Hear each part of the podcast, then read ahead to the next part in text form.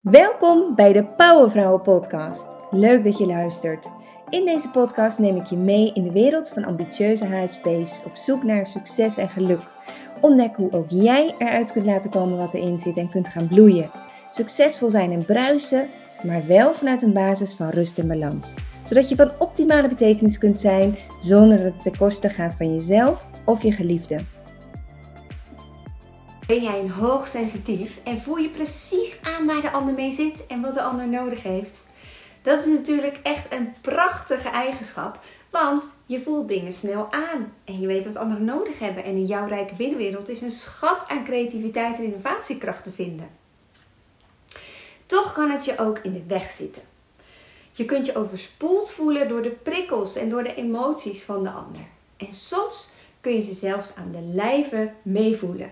En is het heel lastig om onderscheid te blijven maken tussen wat van jou is en wat van de ander is. Waardoor je veel extra energie verliest en doodmoe kan zijn na bijvoorbeeld een gesprek.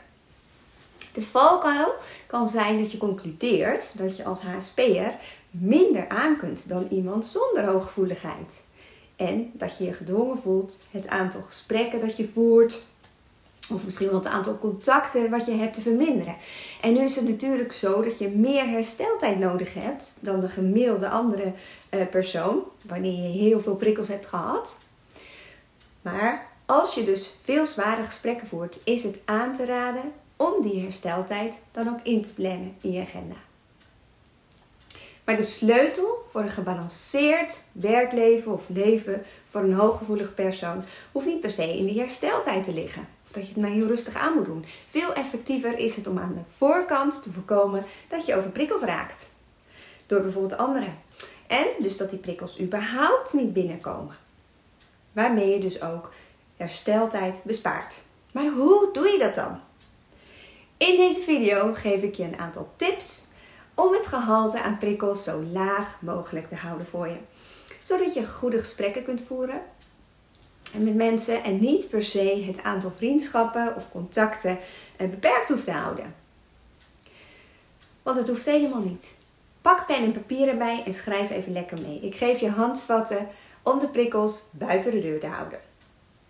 Zodat je het ook veel langer volhoudt. En de meeste van deze tips die hebben te maken met twee krachtige tools voor hooggevoelige mensen. En voor hun zijn ze extra belangrijk. Namelijk bewustwording en twee verbeeldingskracht. Zo kun je voordat je een gesprek of bijvoorbeeld een uh, drukke zaal ingaat al een aantal dingen doen. Het eerste wat je kunt doen is een momentje pakken van bewustwording. Voordat je de dag of een gesprek begint, focus je je aandacht op de vraag: wat is nou precies van mij en wat is van een ander? En dat is de centrale vraag die op de achtergrond telkens met je meeloopt. Plant deze vraag dus ergens in je achterhoofd en neem deze de hele dag met je mee. Je zet dus een soort bril op. Uh, en waar deze vraag ook in wezen op de binnenkant van de glazen staat geschreven. Wees dus tijdens het gehele gesprek of de hele tijd, of tijdens de training die je moet geven, of in de zaal, de kerk, alert op deze vraag. Je zult merken dat het je beter lukt om op een afstand te blijven. Je komt in een soort observatiemodus. En dat hoeft echt niet het openen van je hart of het echt luisteren naar de ander in de weg te staan. Maar zet dus wel die bril op voordat je het gesprek ingaat. Dus wat hoort bij mij, wat hoort bij de ander. Een andere tip is om bij de start van het gesprek goed te gaan zitten. Met beide benen op de grond en even een paar keer diep adem te halen vanuit je buik. Je komt daardoor juist in de rustmodus, waarbij je enerzijds goed contact hebt met je lijf en je hart, maar tegelijkertijd je brein alert maakt op de benodigde bewustwording waar ik het net over had. Heb je te maken met iemand waar veel negativiteit en weerstand vandaan komt, of veel emotie?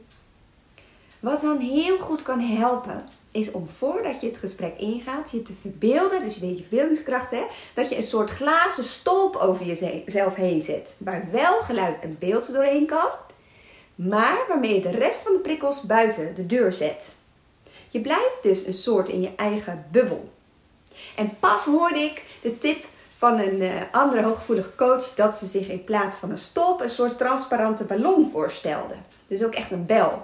Die om mij heen zat. En dat geeft iets meer het gevoel van mee kunnen buigen, maar zonder dat iets je echt helemaal kan raken. En wanneer je dit voor het eerst voorstelt, zal het misschien best onwennig zijn. Maar ook voor dit soort tips geldt dat hoe vaker je ze gebruikt, hoe meer het vanzelf gaat en een routine ontstaat in het buitenhouden van prikkels. Wat ook kan helpen is om je voor te stellen dat je een heel lekker warme winterjas aantrekt voordat je het gesprek ingaat. Je staat even bewust stil bij de warmte van de jas. Voel hoe comfortabel hij zit, hoe zacht. Voel de warmte op je huid. Noem het bijvoorbeeld je gespreksjas. En rits hem ook echt gewoon even dicht voordat je het gesprek ingaat. En deze warme winterjas, die heeft dezelfde functie als de stop of de ballon. En zorgt ervoor dat er een denkbeeldige barrière of filter zit tussen jou en je cliënt. Waardoor de prikkels er zo buiten blijven. Nogmaals, het hoeft echt niet ten koste te gaan van je innevingsvermogen of het luisteren met je hart. Wat je doet is dat je de prikkels reguleert en dat jij de hoeveelheid bepaalt die binnenkomt. Omdat je nu eenmaal van nature open staat voor meer prikkels, is het belangrijk dat je deze bewust reguleert. Een andere tip die zeker heel goed werkt als je te maken hebt met negativiteit en weerstand. Of wanneer je voor een groep staat of een zaal, wanneer je bijvoorbeeld les geeft of een workshop wil geven of iets, dan is het neerzetten van een denkbeeldige spiegel tussen de ander of je publiek of die gesprekspartner en jou. Eventuele negativiteit wordt weerkaatst door de spiegel, gaat weer terug en komt niet bij jou binnen. Je merkt dat je ook hiervoor je verbeeldingskracht kunt inzetten om prikkels buiten de deur te houden. En deze spiegel, die gebruik ik zelf persoonlijk eigenlijk altijd tijdens een training of een webinar en werkt heel goed. Sinds ik deze inzet ben ik een stuk minder moe aan het einde van het geven van een training bijvoorbeeld. En natuurlijk kun je nog steeds na een gesprek moe voelen of overprikkeld. En wat kun je dan doen om de prikkels weer kwijt te raken? De meest krachtige oefening die ik na afloop van een gesprek of training altijd met mezelf doe, is mezelf verbeelden dat ik in of onder een enorme waterval sta. Beeld je het geluid eens in van zo'n krachtige waterval. Doe het direct even, nu. Beeld je eens in dat je erin staat en luister eens naar het geluid, naar het razende water. Sluit je ogen en luister.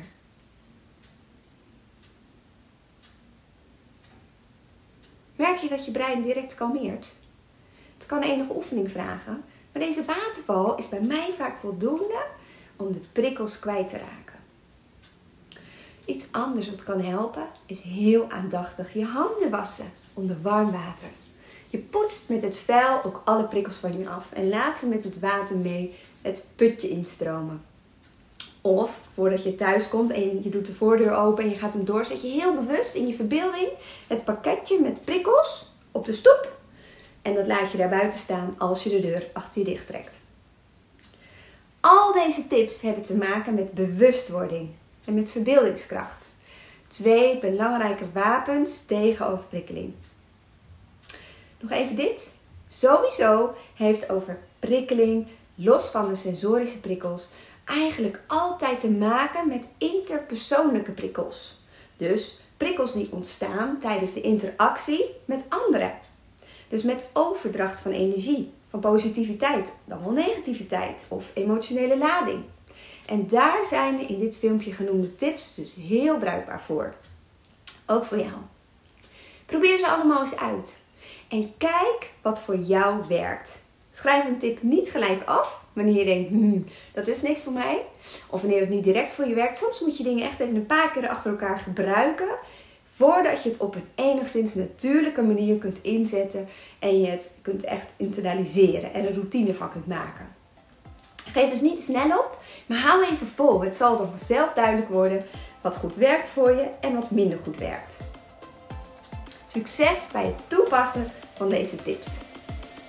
Hey, daar ben ik nog even. Als je ook maar enigszins lijkt op die ambitieuze HSP's die je coach, dan heb je veel in je mars. Heb je prikkels nodig om goed te functioneren, maar ook weer niet te veel, want dan loop je weer vast. Ik begrijp dat helemaal. Toch geloof ik dat ook jij, of misschien juist jij als HSP, succesvol kunt zijn. Ben je bereid te investeren in jezelf en de stappen te ontdekken voor bloei? Bekijk de gratis training Succes met je HSP. Klaar voor een grotere stap? Ontdek wat je wilt met het programma Powerlife. Vraag een vrijblijvend gesprek aan via de link bij deze podcast.